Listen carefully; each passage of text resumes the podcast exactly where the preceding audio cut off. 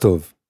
בחודשים האחרונים, המוני בני אדם יוצאים לרחובות במחאה על הצעדים המשפטיים שממשלת הימין על מלא מלא של ביבי מובילה. בכל מוצאי שבת, מאות אלפי אזרחים מודאגים מניפים את דגלי ישראל ומבקשים רק דבר אחד, לשמור על ישראל דמוקרטית. ראשית גילוי נאות, כמי שלא ממש סומך על העומדים כרגע בראש הממשלה, וחרד מהצעדים שהממשלה הנוכחית מובילה, אני מוצא את עצמי שולף דגל במוצאי שבתות ויוצא לרחוב. מפגין מסורתי שכזה, שפוקד את בית הכנסת, אה, סליחה, את הרחוב, רק בשבתות. ובכל זאת מאמין ומנסה להשפיע. אחרי הכל, איזה מהלך שקול, מוצלח או ענייני, יכול לצאת ממה שמתחיל באמירה ילדותית כמו מלא מלא. בכל אופן, בתוכנית הערב נימנע מלהיכנס לנבחי הקונפליקט המשפטי-דמוקרטי הנוכחי, ובמקום זה נלהג מעט על תופעת המחאה, נבחן עד כמה מחאות עושות בכלל את ההבדל, ויבואו לכאן הפלסטיקים של הדג נחש, חווה אלברשטיין, ג'ון באז, אריק לביא ועוד כל מיני. יאללה מתחילים.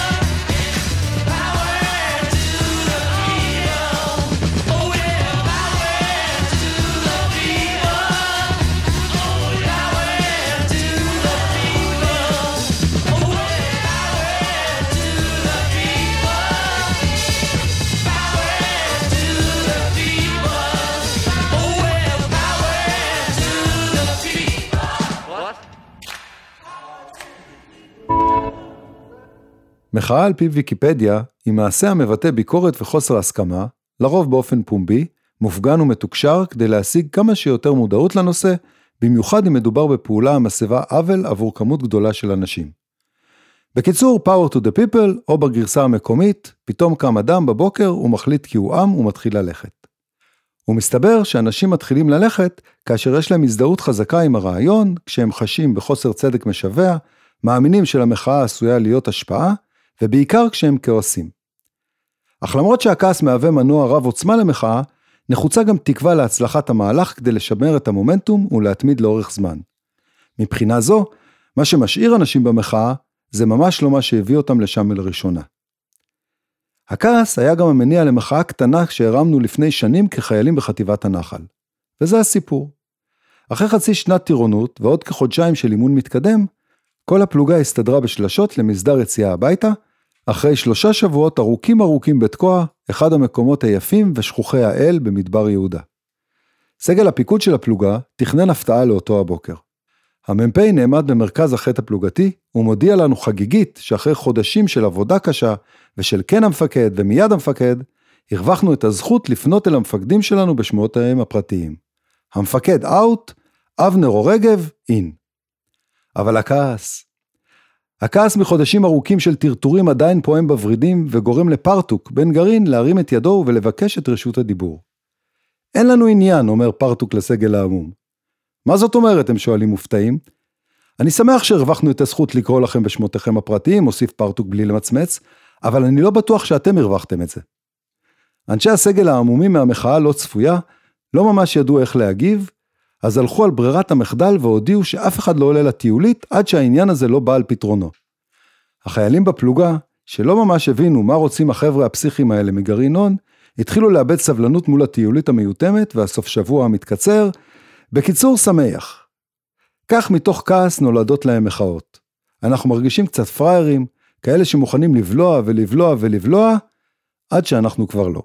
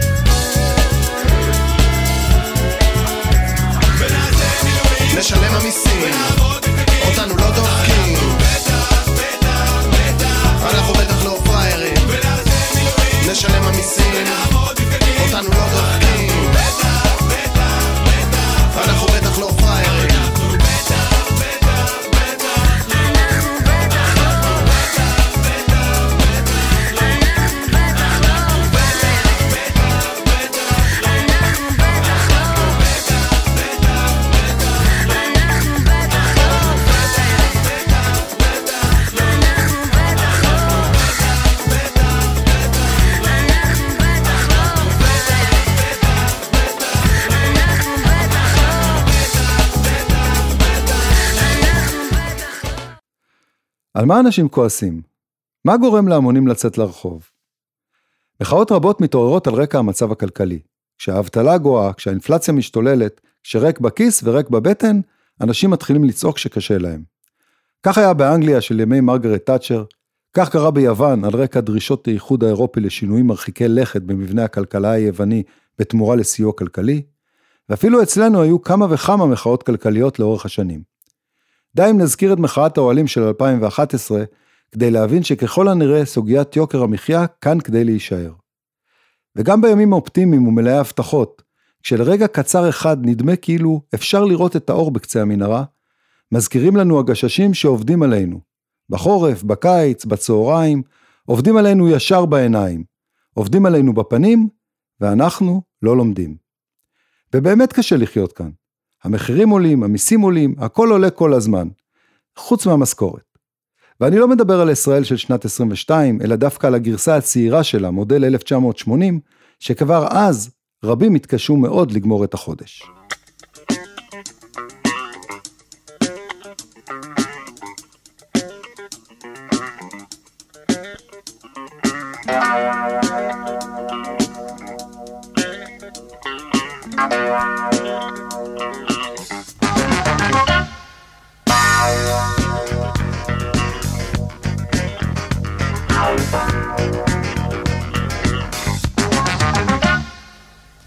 שובת הראש לא יודע מה לעשות. ושחור לי בעיניים ואני עובד עצות ונוסע לחוב הרצל ורואה את המחירים. ונופל מן הרגליים ופוגש זוג תיירים ושותה איתם כוס ואומר I love you so. ומצלצל לי באוזניים ושומע את גזור ותופס נהג נורמלי ואומר לו, סע מהר. המחירים כבר בשמיים ואני כבר מאחר, ואומר כל הכבוד. הוא שואל איפה כבוד יש, ואני לוחש בסוד, אני לא גומר את החודש. לא גומר את החודש, לא גומר, לא גומר את החודש, לא גומר, לא גומר את החודש, לא גומר. לא, לא, לא גומר את החודש. מכרתי את הכל ונכנסתי לחובות. ואשתי ברמתיים ואבי בבית אבות. ונכנסתי במכמורת לשותפות על המזנון. וברחה לי העוזרת עם הולנדי מלבנון. ושכן תפס לו קריזה החתול שלו נשרף. וקניתי טלוויזיה ואני באוברדרפט ונסעתי מצליח לפריז ואמסטרדם. ורכשתי בהרצליה ארבע דונם על הים. וקניתי מניות בחברת יצוא כלי קודש. למה לא נותנים לחיות אני לא גומר את החודש. לא גומר את החודש, לא גומר לא גומר את החודש, לא גומר. לא גומר את החודש, לא גומר. לא, לא, לא גומר את החודש. גמרתי עם יעל והתחלתי עם תמר. ושורפות לי השפתיים והצ'ק שלי חזר. וסיפרתי לשושנה ששכחתי כבר את שוש. ונשארתי מילנה שנינו יחד ראש בראש עם שושנה וציונה כבר נסעתי לאילת. וקיבלתי מסימון הרבע עוף סלט. ומצאתי לי בחווה ידידים וניחומים. וגמרתי עם זהב אהבה בתשלומים. תענוג פשוט לראות חתיכות כאלה מאוד יש אבל אין לי כוח עוד. אני לא גומר את החודש לא גומר את החודש, לא גומר, לא גומר את החודש, לא גומר, לא גומר את החודש, לא גומר. לא, לא, לא גומר את החודש. לא גומר את החודש, לא גומר, לא גומר את החודש, לא גומר, לא גומר את החודש, לא גומר, לא גומר את החודש, לא גומר,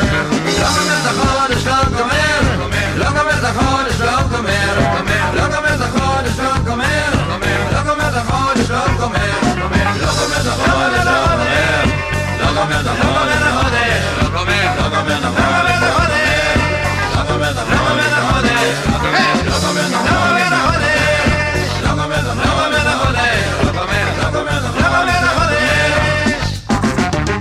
יש לך עשר לירות? לאורך השנים, מצב כלכלי קשה היווה טריגר ללא מעט שירי מחאה.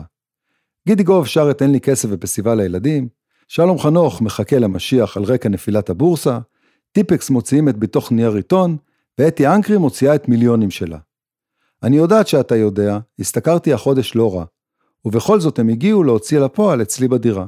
לקחו את הטלוויזיה, את הארון, את המגירה, ויש כמוני מיליונים, מתגלגלים ברחובות. יש כמוני מיליונים בכל מיני צורות. אנשים בני תמותה, בלי כסף, לא שווים פרוטה. ולא רק אצלנו. בבריטניה, על רקע המצב הכלכלי הרעוע בתחילת שנות ה-80, כותבים חברי UB40, I am a one in ten, a number on a list, ומכוונים אל אחוז מספר מובטלי הממלכה המאמיר. Nobody knows me even though I'm always there, a statistic, a reminder of a world that doesn't care. אבל אולי פס הקול המוצלח ביותר של התקופה, מקופל ב Ghost Town של ה Specials. השיר חוזר על תחושות הכעס, האלימות והייאוש של תחילת שנות ה-80, על מצבה של בריטניה באותם הימים, במספר המובטלים מטפס בכמיליון איש בכל שנה, בעיקר בקרב מיעוטים האתניים. זוהי ממשלה שהשאירה את הנוער בצד, מספר ג'רי דמרס שכתב את השיר.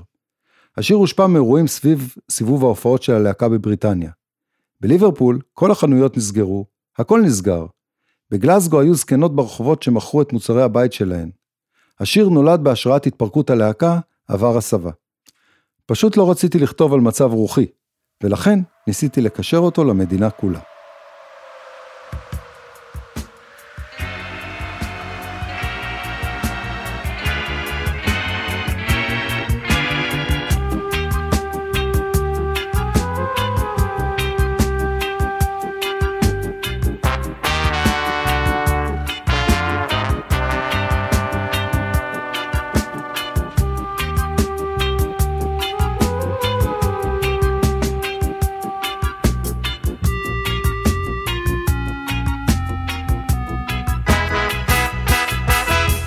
Stop.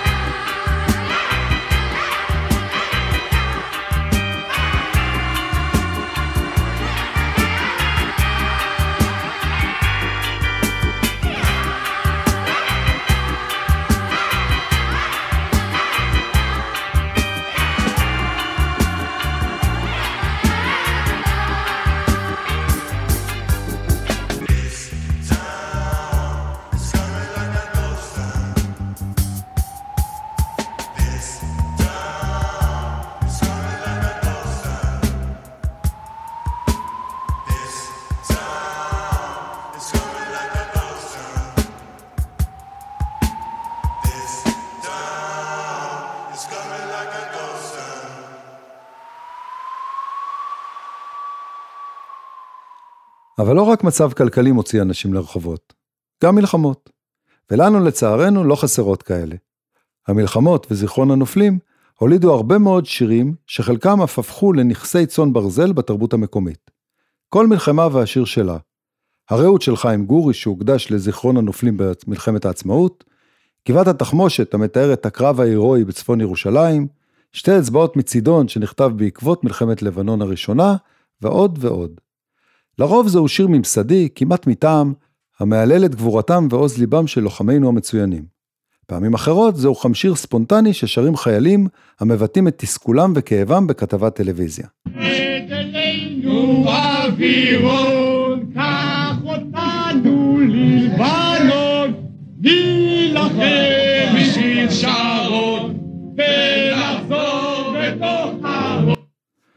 פעמים אחרות המחאה מתנסחת למופת בעתו המושחז של המשורר.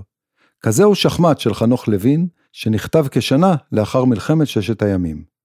לאן הלך ילדי, ילדי הטוב לאן? נפלו חייל שחור וגם לבן. לא יחזור אבי, אבי לא יחזור, ואין חייל לבן, ואין שחור.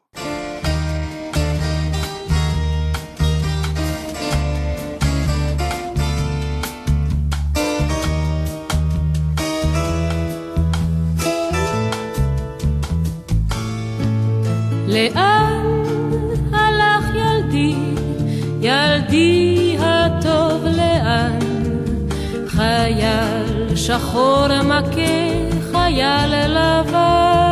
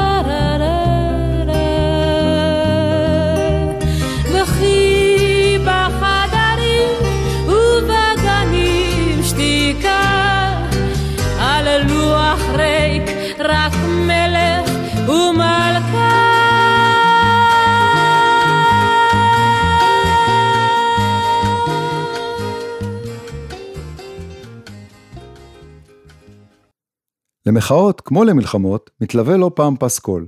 שיר שמעז להאיר תופעה חברתית תרבותית שיש לתקן. אחרי הכל, מה שווה מחאה בלי שיר מחאה מוצלח בצידה? אבל מסתבר ששירי מחאה הם תופעה חדשה יחסית, שראשיתה בשירי המחאה של העבדים בארצות הברית של תחילת המאה ה-19. עד אז, שירים לא היו פלטפורמה להעברת ביקורת, ובוודאי שלא נגד השליט. התופעה קיבלה תאוצה בשנות ה-50 של המאה הקודמת, עם יוצרים כמו וודי גאת'רי ופיט סיגר, והבום הגדול הגיע כמחאה על מלחמת וייטנאם.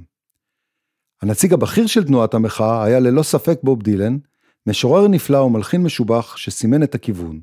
בעקבותיו צעדו מוזיקאים רבים שהחלו לזעוק את כאבם בפומבי, ג'ון ויוקו עם Imagine שלהם, מרלי שקרא להמונים לקום ולהיאבק על זכויותיהם, ספרינגסטין עם 41 יריות שעוסק ברצח שחורים בידי שוטרים, ועוד ועוד.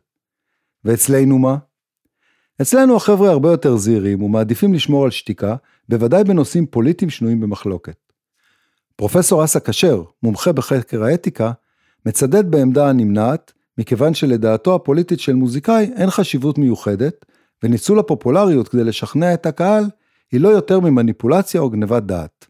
אגב, כאשר פתוח יותר כאשר מדובר בסופרים בעלי יומרות אינטלקטואליות, אבל ברשותכם לא ניקח את הפנייה הזו. וכך לאורך שנים מעורבות האומנים בפוליטיקה לא נראתה כמעט במקומותינו. ככל הנראה משום שהם דואגים לפרנסה ולא רוצים צרות. כאשר טוען כי מדינה בה עיסוק בשאלות פוליטיות רדוד וחסר סובלנות לעמדות מורכבות, יש גם חוסר סובלנות לעמדות מנוגדות. בקיצור, למה לי פוליטיקה עכשיו? ובכל זאת נדמה שמשהו משתנה, לפחות בכל הקשור למחאה המשפטית. אולי כי חלקם לא רואים את המחאה כפוליטית, אולי כי צו מצפונם לא מאפשר להם להמשיך ולשבת על הגדר, ואולי, אולי כי אנחנו סוף סוף מתבגרים.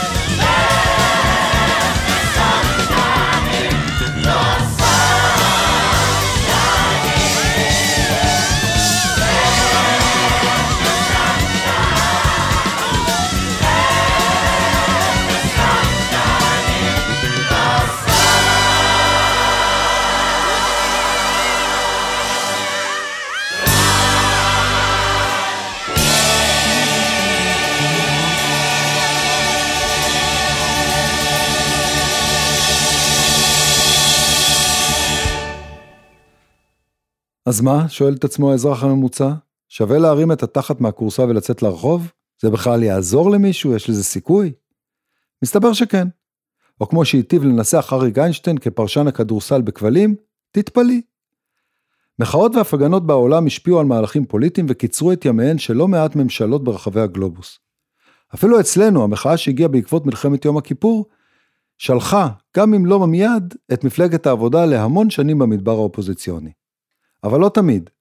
לעתים התוצאות דלות יותר ואף עלולות להשיג את האפקט ההפוך מהכוונה הראשונית. כך למשל, קיימת סברה שלולי חשש הממשל האמריקאי להיתפס כמי שנכנע ללחצי הרחוב, הוא היה משיג את כוחותיו מווייטנאם הרבה יותר מוקדם מכפי שעשה. ומה חושב הציבור? סקר מצא כי 71 מהציבור רואים במחאה כלי יעיל להשפעה על מדיניות הממשלה בישראל, וכ-56% סבורים שמחאת בלפור למשל אכן השיגה תוצאות. מנגד, מרבית הנשאלים סבורים שלמחאת האוהלים של 2011 דווקא נכשלה. ובעיניי לפחות זה לא רק שאלה של סיכויים, אלא של מעורבות ומחויבות אזרחית למקום בו אתה חי, ואם אתה נחשף לעוול מתמשך, חובתך האזרחית לקום ולזעוק.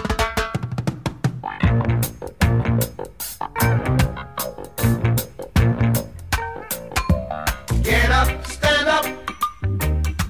Stand up for your right.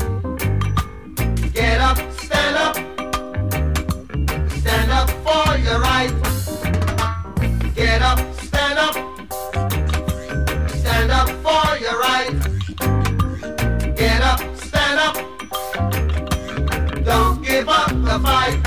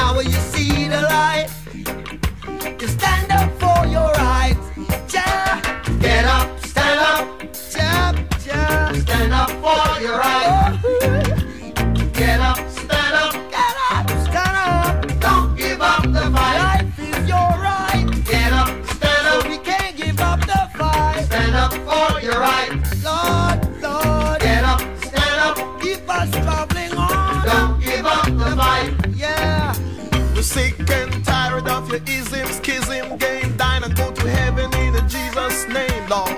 We know when we understand. Almighty God is a living man.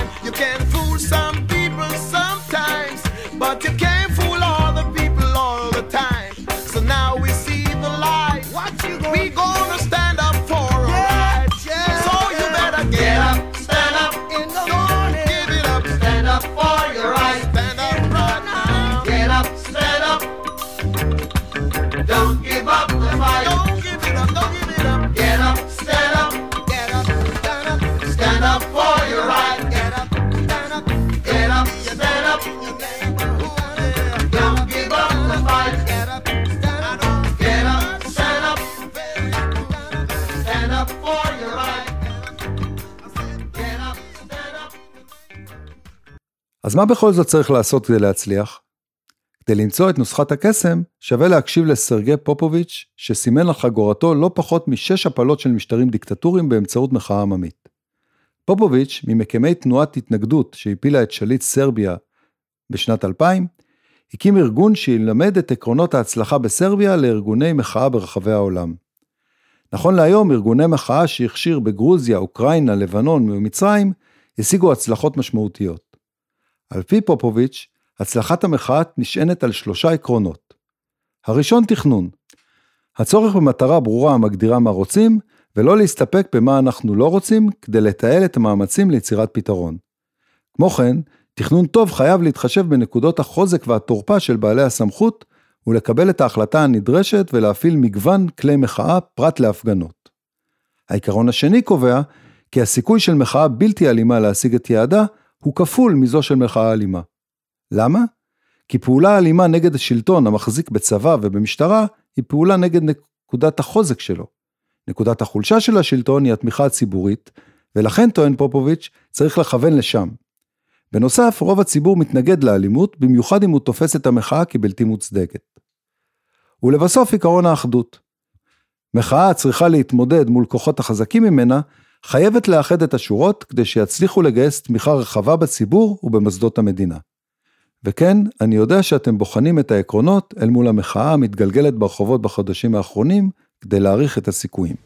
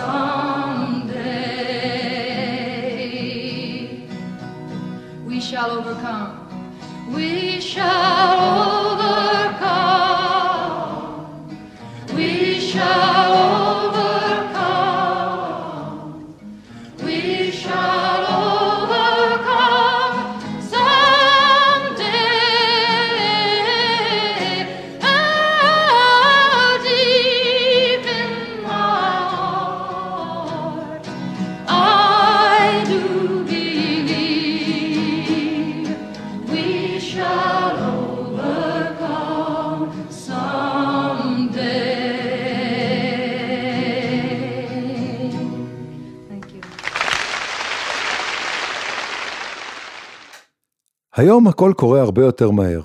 גם המחאות. הרשתות החברתיות מאפשרות שיתוף מסרים מהיר ואפקטיבי, שאינו מתחשב בזמן ובמקום.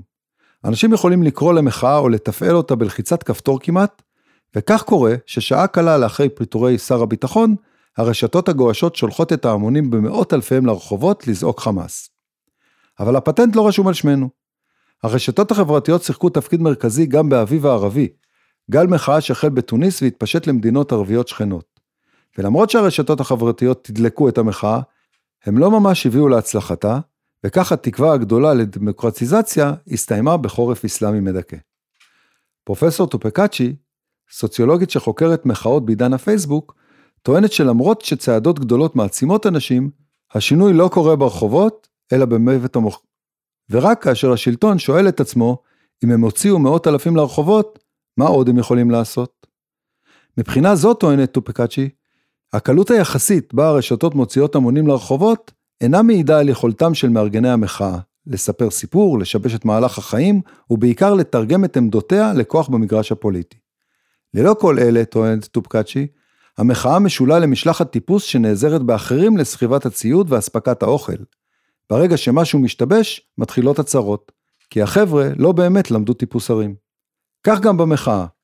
מעבר קל מפוסט לצעדה של מיליון איש ללא תשתית חזקה, הרבה פעמים חסר את הכלים לקבל החלטות בעת הצורך. מצד שני, גם לצעדה יש ערך, ובאותם המקומות בו אין המונים שיצעדו, לעתים שיר מחאה טוב עשוי לעשות את העבודה.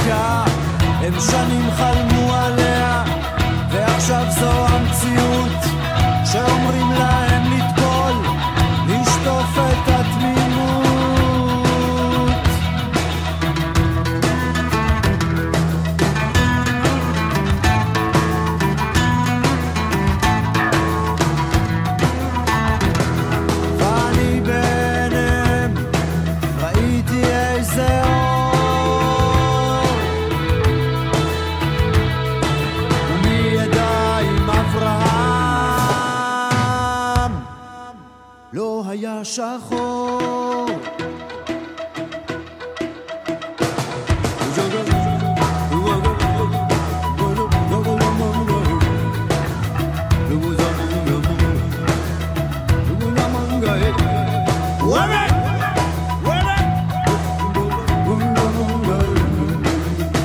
האחים כאור במרכז קליטה בטבריה וזה לא קל.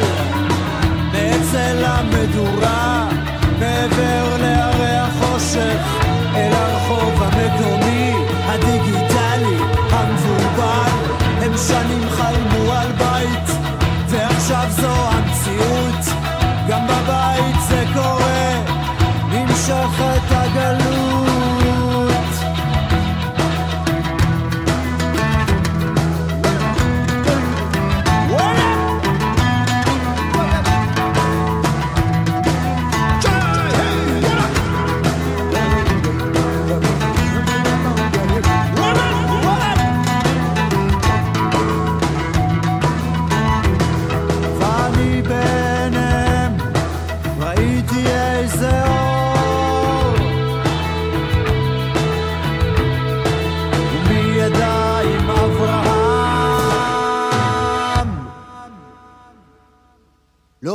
לא היה שחור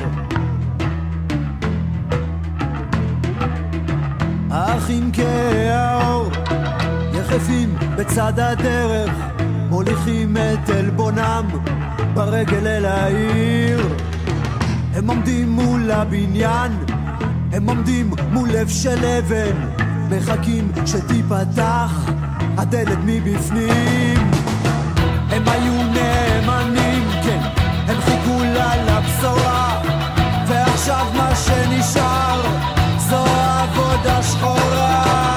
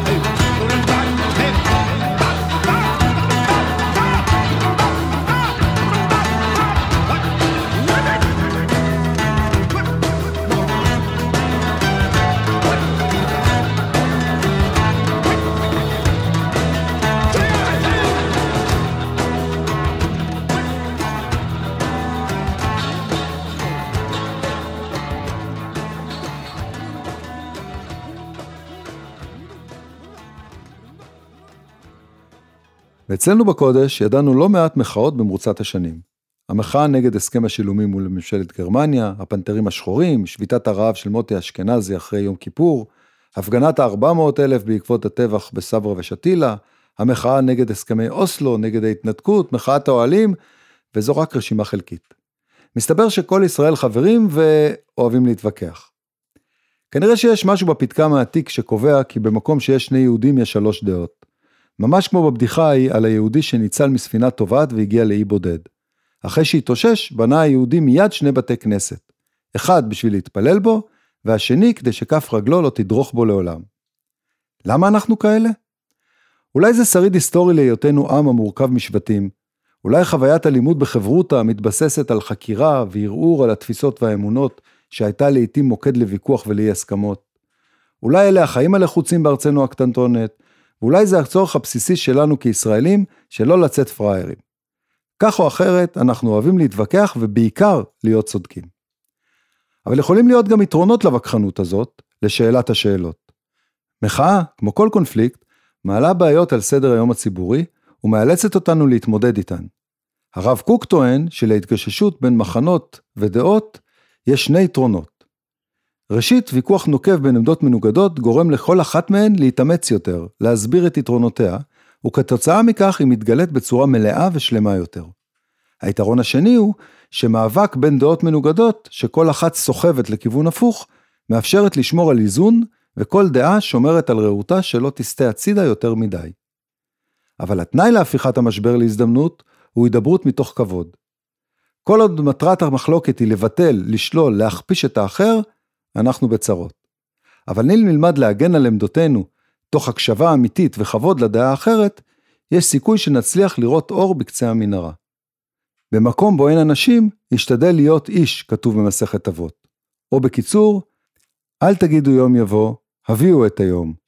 ובכל הכיכרות, הריעו רק שלום.